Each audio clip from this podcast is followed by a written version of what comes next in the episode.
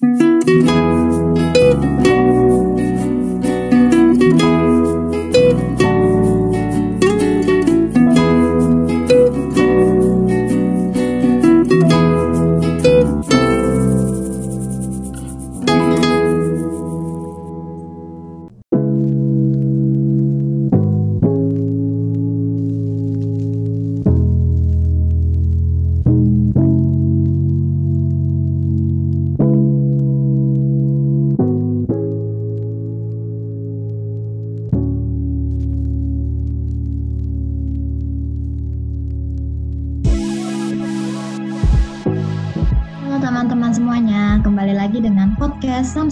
sebuah cerita yang menginspirasi. Bertemu lagi dengan aku, Nana. Kali ini aku bawain podcastnya sendirian nih teman-teman. Nah, di episode kali ini kita mau mengulik suatu hal yang menarik ya tentunya. Dan tentunya juga hari ini ditemani dengan gue star yang seru juga. Nah, sebelum kita ngobrol-ngobrol episode kali ini, kalau teman-teman yang ada yang ingin berpodcast juga kayak aku, teman-teman bisa nih pakai aplikasi yang namanya Anchor. Aplikasi yang aku gunain untuk buat dan publish show ini. Nah, ini tuh untuk ngasih tahu kalau ternyata membuat podcast itu tuh gampang banget teman-teman dan 100% gratis. Nah, gak, gak cuma gampang buat digunain, tapi di sini tuh semuanya yang diperluin untuk membuat podcast itu ada di dalam Anchor, termasuk untuk distribusi ke Spotify ataupun ke platform podcast lainnya, termasuk kayak editing, recording, terus nambahin bumper ataupun closing. Nah, jadi teman-teman buruan aja download aplikasi Anchor dan bikin podcast kamu segera. Oke, okay, ini merupakan episode pertama dari season ketiga yaitu membahas tentang karir ya. Nah, aku sendiri kan masih kuliah ya teman-teman. Tapi ini aku kuliahnya ini sambil kerja karena buat mahasiswa tuh apa ya kayak lebih nguntungin juga kan buat segi dari penghasilan ya. Apalagi kalau misalkan mahasiswa yang ngekos gitu loh. Pasti kan butuh uang jajan tambahan ya. Soalnya uang bulanannya mungkin sudah habis buat bayar kos, bayar listrik atau bayar kebutuhan yang lainnya. Jadi kayak perlu gitu loh untuk kuliah sambil kerja. Terus juga kalau ngelamar kerja tuh kan pasti yang dilihat pertama kali itu kan ini ya teman-teman CV kita ya. Nah jadi kalau misalkan kita pas kuliah nih udah kerja itu bisa mempercantik CV kita gitu. Karena kan yang paling pertama kalau pas kita lamar kerja tuh pasti CV-nya ya nih lolos seleksi atau enggak nih kayak bagian seleksi berkas-berkasnya gitu. Nah cuma tuh kadang karena kita juga masih pelajar ya sebagai mahasiswa itu kayak otomatis juga pasti ada dong kayak pernah pertama kalinya gitu untuk masuk ke ranah pekerjaan gitu. Kan kalau udah lolos seleksi pertama pasti kayak pas mau udah seleksi berkas nih udah selesai CV-nya dicek oh bagus gitu ada pengalaman organisasinya gitu misalkan di kuliah terus ternyata dapat panggilan interview kan rasanya tuh kayak buat first time pasti seneng banget dong dapat interview untuk pertama kalinya. Wow udah pertama kali gitu langsung dapat interview. Tapi sebenarnya itu juga yang bikin agak takut ya agak takut untuk ngelakuin interview karena ini benar-benar first time gitu. Kalau aku ya dulu pertama kali buat ngelamar aku pernah kan ngelamar kerja itu tuh aku seneng pas dapat interview karena dari sekian banyaknya yang aku lamar gitu kayak nggak ada panggilan gitu loh teman-teman. Tapi terus akhirnya ada tuh yang nyantol satu kan ada panggilan interview nih. Dan akhirnya aku pun belajar gitu buat interview itu. Belajar dari YouTube yang kayak teman-teman tahu lah ya dari YouTube atau dari merahnya tuh banyak banget ya tentang tips-tips interview tapi kadang juga nggak masuk gitu. Ternyata apa yang aku pelajarin tuh beda gitu. Akhirnya pas di interview kadang jadi takut. Kayak harus jawab apa nih? Juga tiba-tiba ngeblank gitu. Tiba-tiba ngeblank nggak tahu mau jawab apa kan. Takut salah jawab juga. Teman-teman juga juga mungkin ada yang ngerasain kayak aku juga. Nah, maka dari itu di episode kali ini nih kita mau nge-cover segala jenis kegelisahan ataupun kecemasan teman-teman nih pas mau daftar kerja nantinya ya, biar nggak ngelakuin kesalahan-kesalahan di interview ya. Nah, di episode kali ini kita punya tema yaitu how to ask your interview nih teman-teman. Nah, di sini kita juga udah mendatangkan gue starta yang tentunya itu berpengalaman banget di bidang rekrutmen. Nah, mungkin nih dari episode kali ini teman-teman bisa ngatasin segala kebingungan teman-teman. Bisa terjawab ya pertanyaan teman-teman yang nantinya mau lamar kerja, mau interview, tips-tipsnya itu apa aja sih itu. Nah langsung aja nih kita sambut gue star kita hari ini. Halo Kak Tama. Halo. Halo Kak, apa kabar nih Kak? Alhamdulillah, kabar baik. Alhamdulillah. Nah boleh dong nih Kak Tama sedikit perkenalan nih ke teman-teman biar teman-teman juga kenal nih Kak Tama ini sekarang kesibukannya lagi apa? Uh, kenalin aku Tama, interviewer dan content creator. Saat ini aku aktif sebagai salah satu manajer di salah satu kota di Yogyakarta. Kalau bisa sedikit cerita, jadi aku tuh sambil kerja, sambil bikin konten juga dengan background uh, latar belakang untuk aku bikin konten itu dengan tema interview kerja. Jadi aku sering banget uh, sharing-sharing hal-hal seputar interview kerja. Jadi biar bisa membantu teman-teman yang saat ini lagi punya kesulitan ketika menghadapi momen wawancara kerja. Ini nanti pastinya kita nih teman-teman dapat tips langsung dari interviewernya loh teman-teman. Nah kan kalau sekarang ya anak muda tuh ya kak, apalagi kalau yang pada fresh graduate gitu, ada yang SMA gitu kan, fresh graduate SMA ataupun baru lulus kuliah gitu, pasti mereka langsung mencari kerja. Nah di episode kali ini kita nih mau kasih sedikit hint buat mereka yang lagi pada berjuang untuk dapetin kerjaan. Kalau menurut kakak nih belum melakukan interview kan kita nih udah seleksi berkas nih udah lolos ya, terus dapat panggilan interview gitu. Kayak baiknya kita tuh ngelakuin apa sih biar apalagi tuh interview first time ya kak, itu kan takutnya jelek atau takutnya nggak berkesan gitu kepada interviewernya. Itu kayak kita harus ngapain sih sebelum interview? Kalau ditanya tentang mungkin persiapan sebelum kita wawancara kerja lewat dari satu step di awal seleksi berkas dan kita udah keterima, kemudian dikasih kesempatan untuk mengikuti sesi wawancara kerja. So yang paling penting itu adalah kita mempersiapkan dulu nih. Jadi aku sering reminder ke teman-teman job seekers di luaran sana atau audiens aku di Muda Cari Kerja di Instagram juga. Sebelum kita masuk ke step wawancara kerja, coba deh kita tuh verifikasi dulu gitu. Kita verifikasi tuh ini persiapan penting nih. Verifikasi itu kita lihat dulu nih kira-kira kualifikasi yang ada di locker atau yang ada di job description pekerjaan itu itu kira-kira ada nggak di kita. Minimal 60-70% lah. Kalau kita udah verifikasi di awal itu enak untuk kita mempersiapkan jawaban-jawaban yang relevan sesuai dengan kualifikasi skill atau pengalaman yang kita punya. Nah kalau misalkan udah tahu oh ternyata aku tuh cocok nih atau aku tuh job descriptionnya ini kebetulan aku memiliki nih atau kualifikasinya aku punya. Baru setelah dari verifikasi tersebut kita boleh masuk di tahap yang namanya siapin jawaban-jawaban yang relevan. Nggak perlu panjang, nggak perlu yang sampai lebay juga nggak. Tapi ciptakan atau buatlah jawaban-jawaban yang memang to the point tapi itu sesuai dengan kualifikasi yang kita punya. Boleh sih ngecek referensi di Google atau di mana pun itu tapi jangan telan mentah-mentah apalagi uh, nggak diedit. Edit itu dalam artian kita ambil jawaban dari Google terus kita nggak edit sesuai dengan karakteristik atau kualifikasi yang kita punya. Nah itu akan fatal. Jadi persiapan yang paling penting adalah cek dulu, verifikasi dulu kira-kira kita itu cocok nggak nih sama per ini atau misalkan kita punya nggak kualifikasinya. Kalau udah baru kita masuk ke step tapi jawaban-jawaban yang relevan. Nah kalau udah dua step ini dilakukan, masuk ke satu step lagi itu role play. Jadi role play ini bisa dikatakan kita latihan sendiri ini untuk komunikasi. Kenapa? Biar membangun mental. Apalagi kalau orang yang baru pertama kali ya, pertama kali ikut wawancara kerja pasti kan nervous, grogi sampai nanti kalau dia nggak prepare dengan baik bisa blank. Dan kalau udah ngeblank itu bisa mempengaruhi penilaian si user atau si HRD saat rekrutmen. Kurang lebih seperti itu. Kalau misalkan ya kak, kalau udah mempersiapkan segala sesuatu yang baik gitu, maksudnya mungkin ya dari awal gitu sampai pertengahan tuh si pelamarnya ini jawabnya baik gitu. Tapi kalau misalkan di tengah-tengah dia nggak expect gitu kak ada pertanyaan ini gitu, dan dia jadinya ngeblank gitu. Apa itu nanti bakal jadi hal poin minus atau gimana sih kak? Oke, kalau ngeblank itu sebenarnya ada tipsnya juga sih. Gimana kita mengatasi kondisi ketika kita lagi ngeblank, ketika ditanya sama si user atau sama si HRD. Kita bisa ngeles juga bisa nih kalau misalkan lagi ngeblank ya. Kalau kita sampai nggak bisa jawab itu pasti akan berpengaruh. Makanya instruksi yang paling pas adalah ketika kita ngeblank jangan diem aja tapi cari alternatif lain. Contoh kayak misalkan ketika ditanya sesuatu yang menyangkut dengan eh, hal-hal uh, yang terlalu privasi mungkin atau hal-hal yang terlalu uh, mengarah ke job description tapi yang kita belum terlalu menguasai. Kita boleh meminta ke si SR atau si usernya untuk uh, bisa dibilang saya belum terlalu memahami secara detail terkait job desk ini.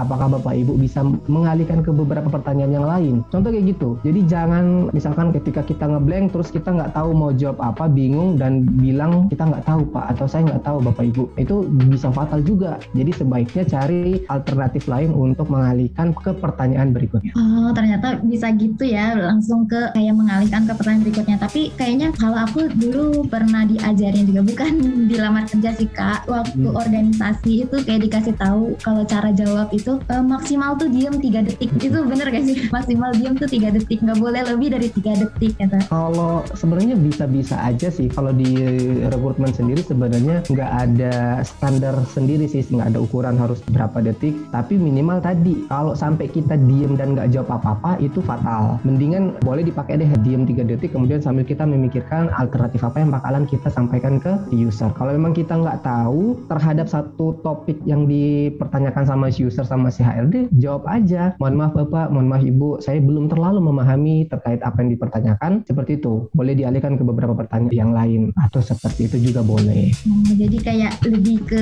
jujur gitu ya Kak. Juga Betul. kayak jujur kalau misalkan nggak tahu kayak takutnya malah asal bunyi juga sih. Betul banget. Terus nih kan kalau buat yang pertama kali interview pasti nggak tahu sih kak jenis-jenis pertanyaan apa sih yang keluar dan juga ternyata aku juga baru tahu nih belum lama ini kalau ternyata tuh interview di beberapa perusahaan tuh kadang ada yang interviewnya kayak sampai dua kali gitu kak. Kayak lewatin interview HRD dulu terus sama interview user gitu. Kayak itu bedanya tuh kalau yang aku tahu ya bedanya sih itu di ini ya kak. Kalau di interview user lebih ke jenis pekerjaan atau manajer sama yang terkait sama pekerjaan kita gitu kan kak. Nah itu jenis pertanyaannya itu dari kedua itu apa sih kak? Sebenarnya pertanyaan pada saat wawancara kerja itu banyak banget. Kalau kita bisa kelompokkan, seperti yang disampaikan juga tadi, ada interview sama HR, ada interview juga sama user. Kalau sama HR itu dia lebih dominan menelusuri tentang karakter kita, personality kita. Jadi contoh misalkan kayak pertanyaan-pertanyaan interview sama HRD itu bisa contoh misalkan ceritakan tentang diri kita, kemudian apa motivasi kamu melamar di posisi ini, atau juga menanyakan terkait gaji, motivasi, kemudian dan lain-lain hal-hal yang lebih sifatnya itu ke karakter kita atau ke personality kita. Nah kalau sama si user, si user itu poinnya dua sebenarnya kalau kita tarik ya. Yang pertama itu adalah kecakapan kita terkait job description atau seberapa uh, pahamkah kita terhadap job description yang lagi kita lamar nih. Kemudian yang kedua bicara soal penampilan. Karena si user itu bisa dibilang akan sangat selektif memilih si calon kandidatnya karena uh, dari dua aspek ini tadi. Karena menurut dia beberapa aspek yang lain itu sudah diuji sama si, eh, si HR atau si HRD. Jadi dia cuma fokus ke dua hal ini aja. Nih orang atau si kandidat ini bisa kerja nggak, bisa ikut aturan aku nggak, atau bisa menyelesaikan beberapa challenge-challenge yang aku kasih nanti ketika dia saya terima kayak gitu. Kurang lebih kayak gitu. Oke, sama eh, aku tambahin lagi ya dikit ya. Oke, Sambil Kak. boleh untuk ini. Jadi kalau misalkan pertanyaan-pertanyaan apa sih yang yang biasanya itu bisa keluar atau eh, ditanyakan saat wawancara kerja? Ini aku ambil dari perspektif HRD dulu ya. Contoh satu, pasti si HR itu akan mempersilahkan kita memperkenalkan diri, jadi ceritakan diri Anda. Nah, poin menceritakan diri ini juga tidak bisa hanya dengan kita menceritakan tentang siapa nama kita, umur kita berapa, hobi kita apa, kita tinggalnya di mana. Enggak seperti itu teman-teman. Jadi ada step-step perkenalan diri yang memang bisa menciptakan ketertarikan dari seorang HR. Kemudian yang kedua, kelebihan kekurangan nih, itu biasanya akan ditanyakan sama seorang HR. Kemudian yang ketiga, alasan kita melamar di perusahaan itu, kemudian kenapa perusahaan itu harus menerima kamu atau kita bekerja di tempat itu atau di perusahaan itu. Kemudian tentang gaji dan kalau memang si kandidat ini mantan karyawan di perusahaan sebelumnya, itu pasti si HR akan menanyakan alasan dia resign dari per- eh, dari pekerjaan dia sebelumnya dan kenapa dia memilih ingin bergabung di perusahaan ini. Kurang lebih kayak gitu. Nah, kan tadi ada yang eh, bilang kalau pas memperkenalkan diri tuh kak ada stepnya kan. Nah, tapi kan biasanya tuh kalau di CV itu kan udah ada tuh kak tentang diri kita kan, Iya. berikut pengalamannya kan ngapain aja waktu di sekolah gitu. Nah itu pas di interview itu kan ditanyain ulang itu kayak kita kayak mengulang apa yang ada di CV itu itu tuh kayak nggak apa-apa kan soalnya di HR itu pasti kan kayak udah baca kak gitu atau kayak kita lebih baiknya tuh apa yang nggak ada di CV gitu kak tapi kayak masih berkaitan pengalaman yang mungkin emang nggak dimasukkan ke CV gitu. Ini menarik nih. Satu hal yang harus teman-teman tahu dulu nih, ketika kita hadir di wawancara kerja itu, si HR udah punya standar penilaian. Salah satu standar penilaian itu adalah kelayakan komunikasi ya. Jadi kenapa si HR itu nanyain lagi? Padahal udah ada di CV. Yaitu tadi untuk mengukur tingkat komunikasi kita apakah sesuai dengan harapan yang mereka cari atau gimana. Kalau memang sesuai, maka ini akan menjadi poin plus teman-teman. Karena banyak orang yang punya CV cantik, punya CV yang oke, informasinya banyak dalam CV-nya, tapi dia nggak bisa mempresentasikan apa yang dia punya di depan seorang HR dan itu bisa dikatakan nanti bakal ber- berpengaruh juga. Nah, persoalan pengalaman yang ada di dalam CV itu juga perlu kita ceritakan ke HR karena pengalaman itu kan pasti banyak banget ya kita punya kan. Dan dari berbagai macam latar belakang pengalaman yang kita punya itu nggak semua juga kita tuangkan dalam CV, bener nggak sih? Iya, Nah, si bener. HR itu pasti akan cenderung lebih mencari tahu, menggali. Kira-kira ada pengalaman-pengalaman yang betul-betul ada hubungannya, ada benang merahnya dengan posisi yang dia lamar nggak? Kalau ada, itu jadi poin plus juga. Makanya si HR itu kenapa dia selalu nanya, padahal itu udah ada di CV. Terus yang kedua, alasan yang kedua adalah untuk menguji. Kira-kira benar nggak sih informasi yang ada dalam CV itu betul betul-betul valid atau cuman aja dia mengarang bebas atau biar kelihatan keren dan lain-lain. Nah, itu juga pertimbangan kenapa si HR itu meskipun informasi yang di CV itu udah lengkap, udah detail, tapi dia tetap nanya lagi kayak gitu. Pasti tadi yang kakak bilang itu kan ada eh, si HR ini nanyain ya alasan kenapa sih kita mau masuk ke perusahaan ini, terus juga mungkin si usernya juga nanya kenapa sih kamu cocok di posisi ini gitu. Itu menurut kakak ini jawaban yang kayak gimana sih yang tepat itu? Kalau ditanya sama si user atau sama si HR, eh, apa alasan kita melamar di perusahaan ini? Otomatis satu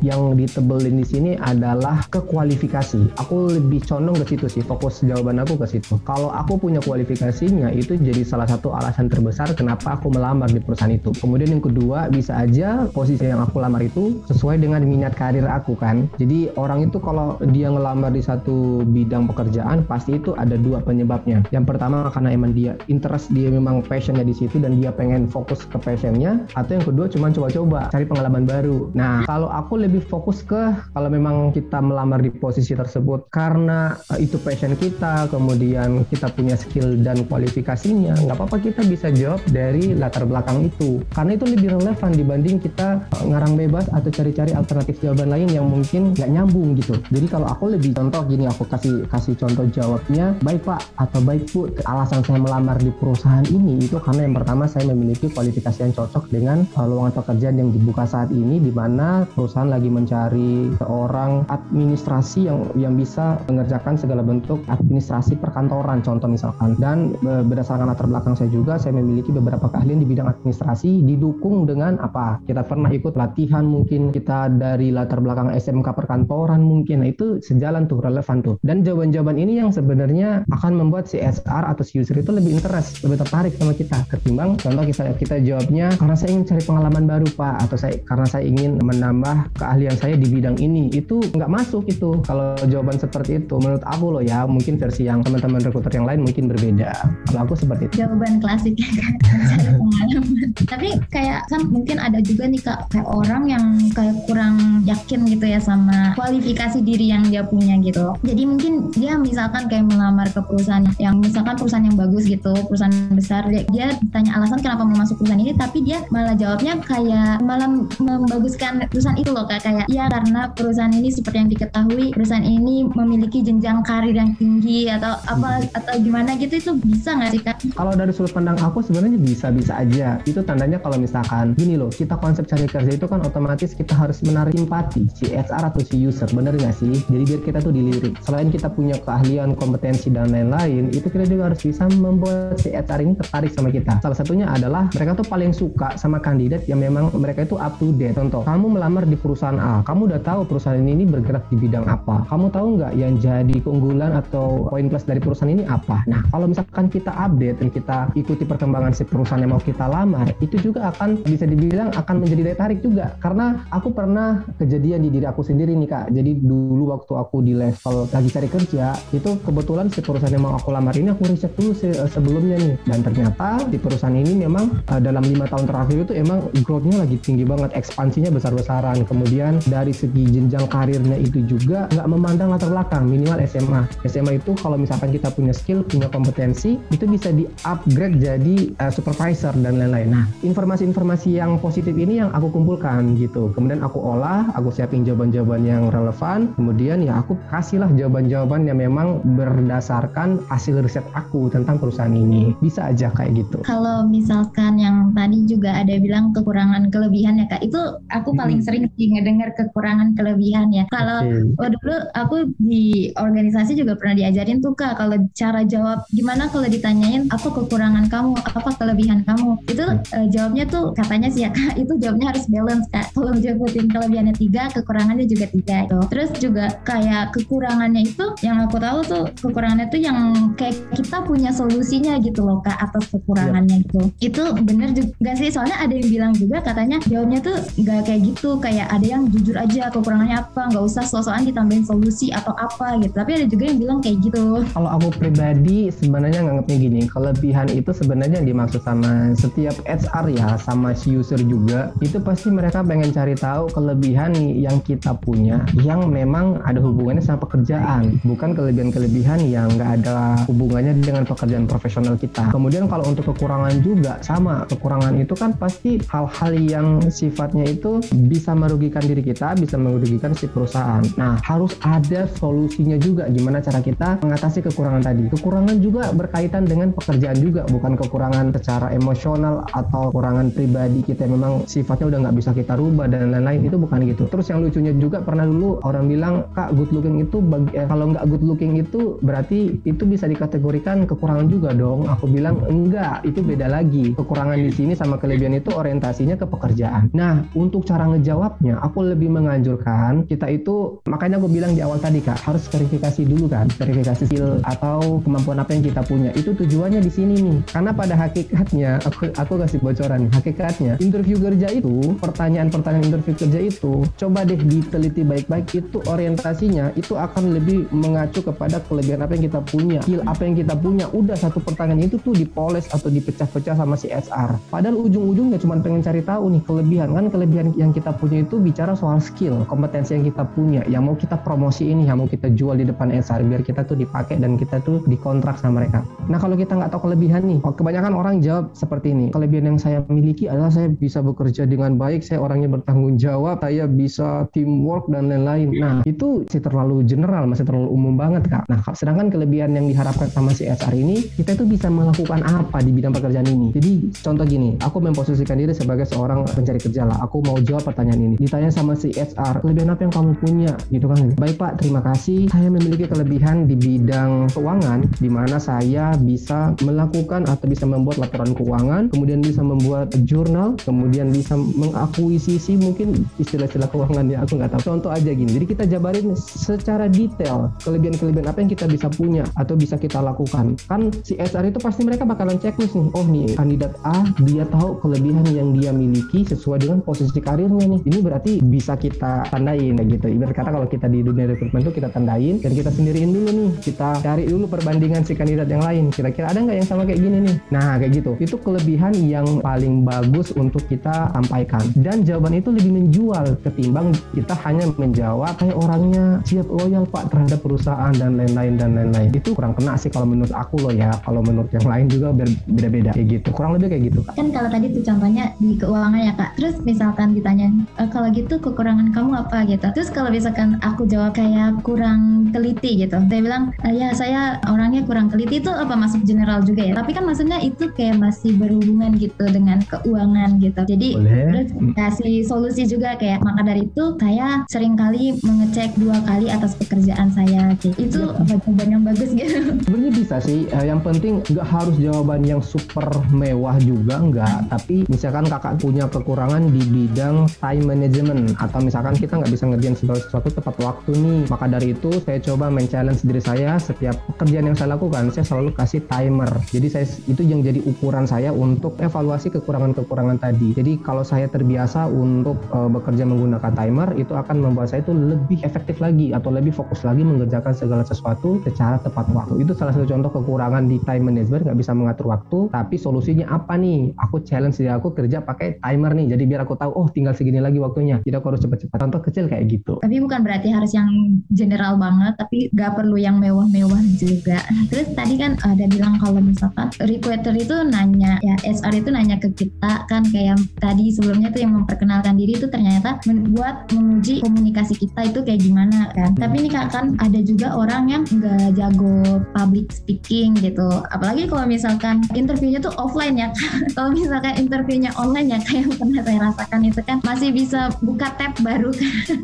Tapi kan kalau offline tuh kan benar-benar sendiri. Apalagi kadang interviewernya tuh ada tiga. Itu kan kayak bikin orang jadi gugup juga kak. Itu ada tipsnya gak sih kak buat biar gimana sih buat ngatasinnya biar nggak demam panggung? Aku bicara kemungkinan sebelum kita demam panggung dulu ya. Ya yang pasti kan grogi atau nervous atau apa pun istilah-istilah lain itu sebenarnya itu hal yang manusiawi. Apalagi kita yang baru pertama kali masuk di momen kan interview kerja contohnya. Nah untuk mengatasi biar kita nggak terlalu over grogi atau over nervous dan lain-lain sampai mengakibatkan kita blank. Itu tadi kita pasti dulu nih persiapan kita itu udah pas belum. Nah salahnya adalah persiapan kita itu selalu mepet dadakan. Contoh misalkan ya aku dapat undangan interview tiga hari atau misalkan seminggu sebelumnya deh aku berpersiapan baru hamin satu. Itu udah udah kalah start tuh. Karena bicara interview kerja itu bukan cuman bicara bagaimana kita punya skill atau punya pengalaman tapi gimana struktur komunikasi kita itu juga harus pas. Jadi biar si HR-nya itu menilai setiap jawaban yang kita kasih atau setiap impresi yang kita kasih itu betul-betul terkesan profesional. Nah kalau sampai grogi sampai nervous sampai blank itu bisa ada kalimat-kalimat magic yang bisa kita pakai nih. Contoh misalkan mohon maaf pak atau mohon maaf bu. Seperti aku bilang tadi ya bisa tanya seperti ini ke, ke si user atau si HR-nya apakah benar uh, pertanyaan bapak ibu berkaitan dengan hal ini? Itu untuk mengulangi aja untuk cari space waktu untuk kita memikirkan apa yang harus kita jawab gitu kan. Kalau misalnya kita sampai ngeblank nih karena kalau sampai diem aja kita nggak ngeluarin statement apa-apa itu fatal. Bahaya. Kemudian boleh nih bilang apakah bapak ibu berkenan untuk menjelaskan lebih detail lagi terkait pertanyaan yang diberikan? Itu kalau udah kasusnya udah ngeblank ya. Kalau tahap belum ngeblank itu kan pasti kita grogi dan itu masih bisa kita atur lah. Minimal kita atur nafas kita dulu kemudian tempo ada bicara kita juga. Jangan terlalu cepat karena kalau terlalu cepat kita pasti ngos-ngosan gitu. Nah kemudian yang ketiga itu boleh minta waktu kok untuk berpikir. Dan si HR bakalan maklum. Jadi nggak harus kaku banget harus jawab saat itu juga tapi kalau misalkan kapasitas kita memang lagi ngeblank dan udah nggak tahu mau ngomong apa minta waktu aja untuk berpikir. Kita boleh minta waktu sekitar uh, berapa menit Bapak Ibu untuk saya berpikir untuk memberikan jawaban yang paling relevan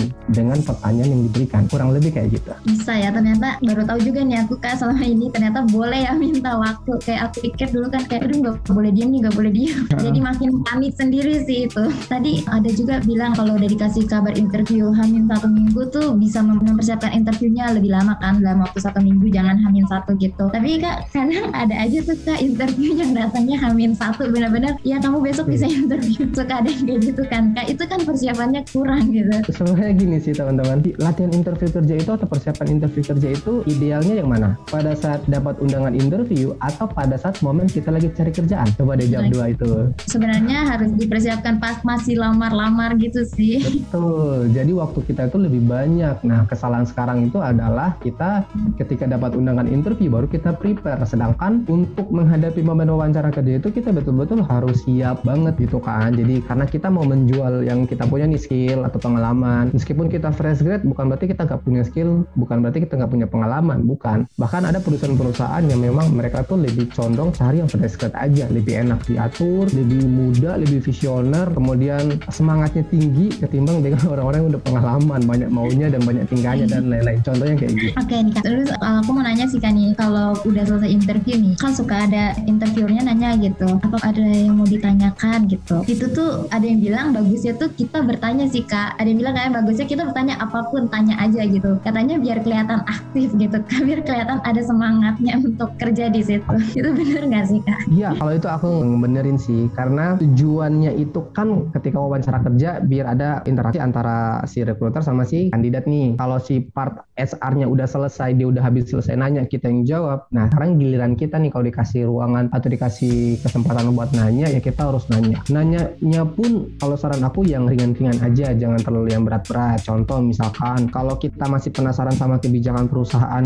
yang mengatur tentang sistem libur atau sistem prosedur kerja itu kita boleh follow up lagi kita boleh nanyain lagi. Tentang aturan-aturan mungkin itu akan lebih menarik juga. Karena kalau kita pertanyaan kita lebih mengarah ke hal-hal yang bersifat yang ada hubungannya dengan pekerjaan profesional kita next kalau kita udah diterima itu akan lebih enak ketimbang kita nanya hal-hal yang kita belum diterima aja itu pun kita udah berani nanya. Contoh kayak bonus kemudian kayak hak cuti dan lain-lain. Kita belum diterima tapi udah nanya-nanya kayak gitu itu kurang relevan sih dan bakalan ngaruh juga ke penilaian. Kayak gitu.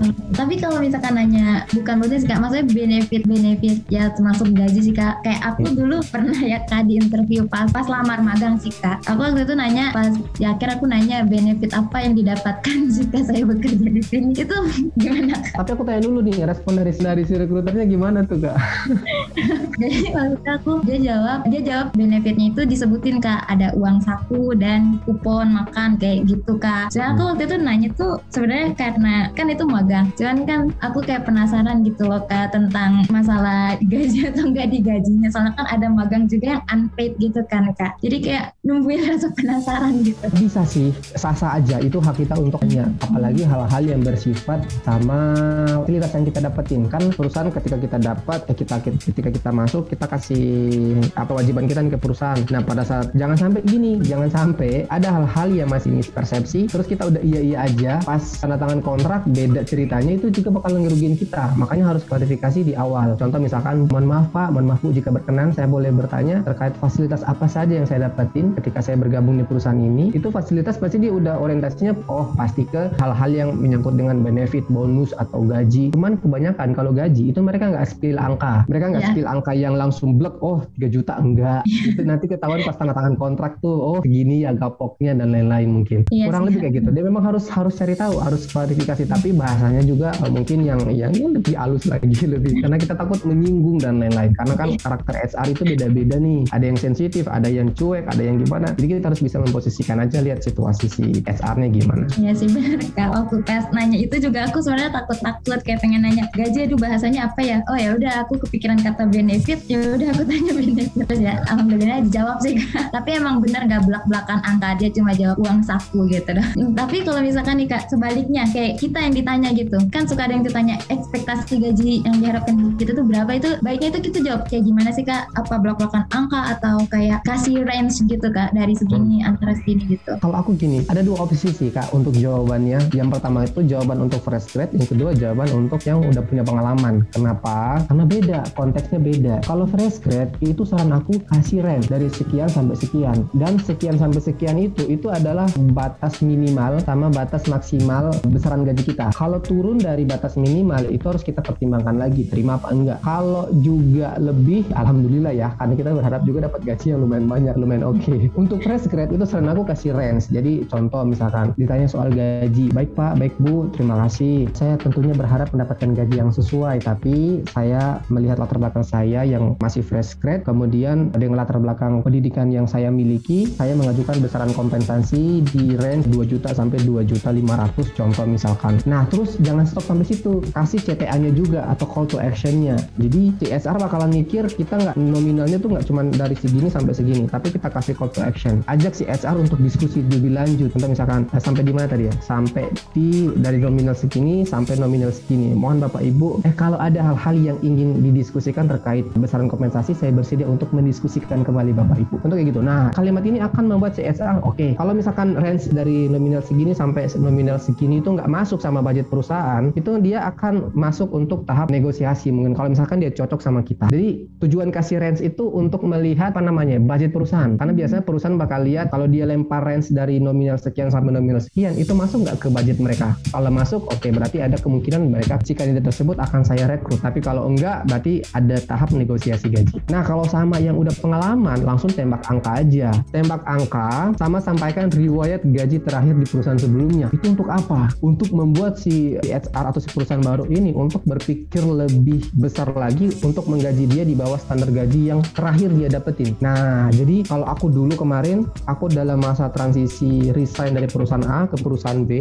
gaji aku di perusahaan sebelumnya sekian, itu yang aku sampaikan di perusahaan baru. Itu akan jadi batas minimal mereka untuk kalau mereka terima saya, mereka harus bayar segini dengan latar belakang pengalaman yang aku punya. Gitu. Jadi dua opsi. Kalau fresh grad kasih range, kalau yang udah pengalaman langsung tembak angka tapi sampaikan juga riwayat gaji terakhir yang dia miliki sama pengalaman. Itu yang paling penting. Seperti itu, Kak. Jadi penasaran sama yang gaji orang yang berpengalaman. Itu kan tadi tembak langsung harga gajinya terus juga cantumin riwayat gaji terakhir kan. Tapi pernah tuh aku lihat ada kasus kalau kalau dia malah gajinya itu lebih sedikit gitu daripada yang pekerjaan sebelumnya. Itu kita masih bisa negosiasi gak sih kak buat naik gajinya itu? Bisa. Kalau kalau kita punya pengalaman relevan sesuai kebutuhan perusahaan yang baru itu kita malah malah punya akses besar buat nego. Karena seperti yang aku bilang kenapa harus harus sebutin angka gaji terakhir? Jadi biar itu bisa jadi gambaran CSR nah kita punya pilihan kok buat nolak atau terima. Kalau uh, tahap negosiasi kita yang pengen negosiasi gaji misalkan perusahaan ngasih range yang terlalu di bawah atasan minimal gaji kita dan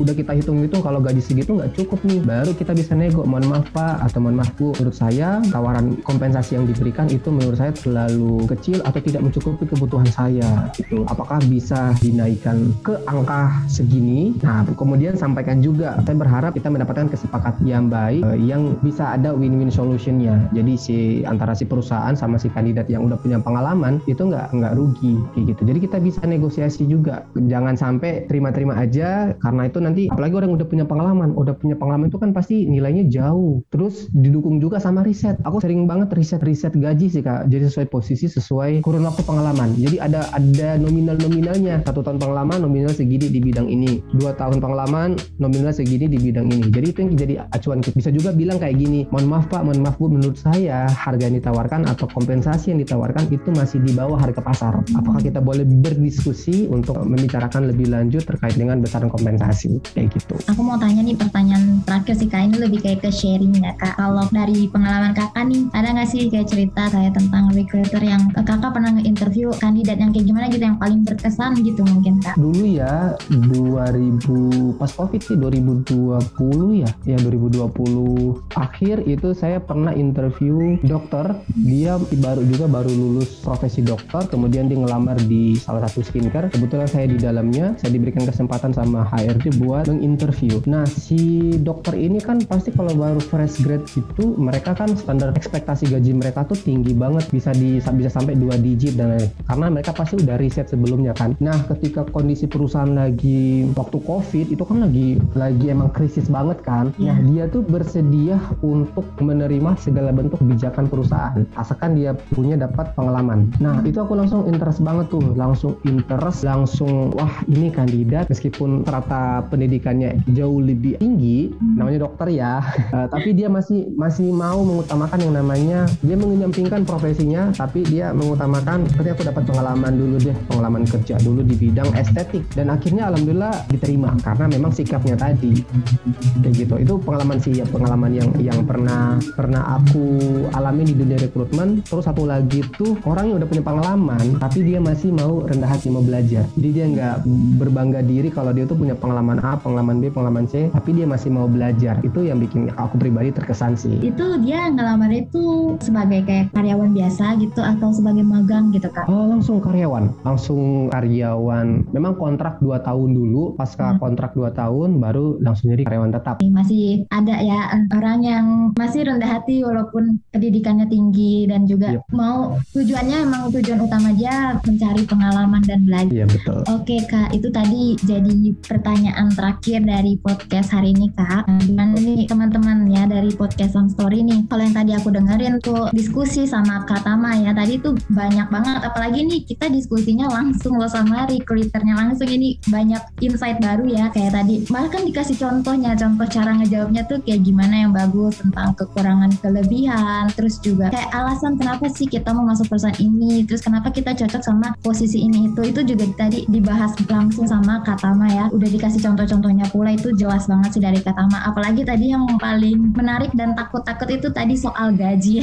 Boleh nggak sih nanyain gaji gitu di interview gitu? Dan teman-teman tadi udah denger ya jawaban dari Katama Katama hari ini pokoknya seru banget sih. Habis pokoknya. Makasih banget Katama karena udah jadi gue star hari ini di podcast Some Story di episode 81 nih temanya how to ask your interview yang udah tadi kita kupas abis ya. Sampai ke dalam-dalamnya itu udah jelas banget. Nah ini semoga cerita pengalaman dari Katama tadi itu bisa bermanfaat juga nih buat teman-teman ya yang lagi mau cari kerja yang baru lulus gitu. Atau mungkin ada yang masih job seeker gitu. Mungkin ini bakal bermanfaat banget ya. Apalagi tadi dikasih saran-saran juga ya sama Katama nah buat teman-teman nih tadi yang mungkin masih ada pertanyaan gitu ada pertanyaan pribadi dari teman-teman itu ke Katama nih boleh gak nih Katama nanti mereka kayak oh mau searching-searching. Apalagi tadi kan Katama bilang konten kreator ya tentang interview kerja ya. Boleh nih di share sosmednya kali kak biar teman-teman bisa cari langsung juga. Oke okay, um, buat teman-teman yang mau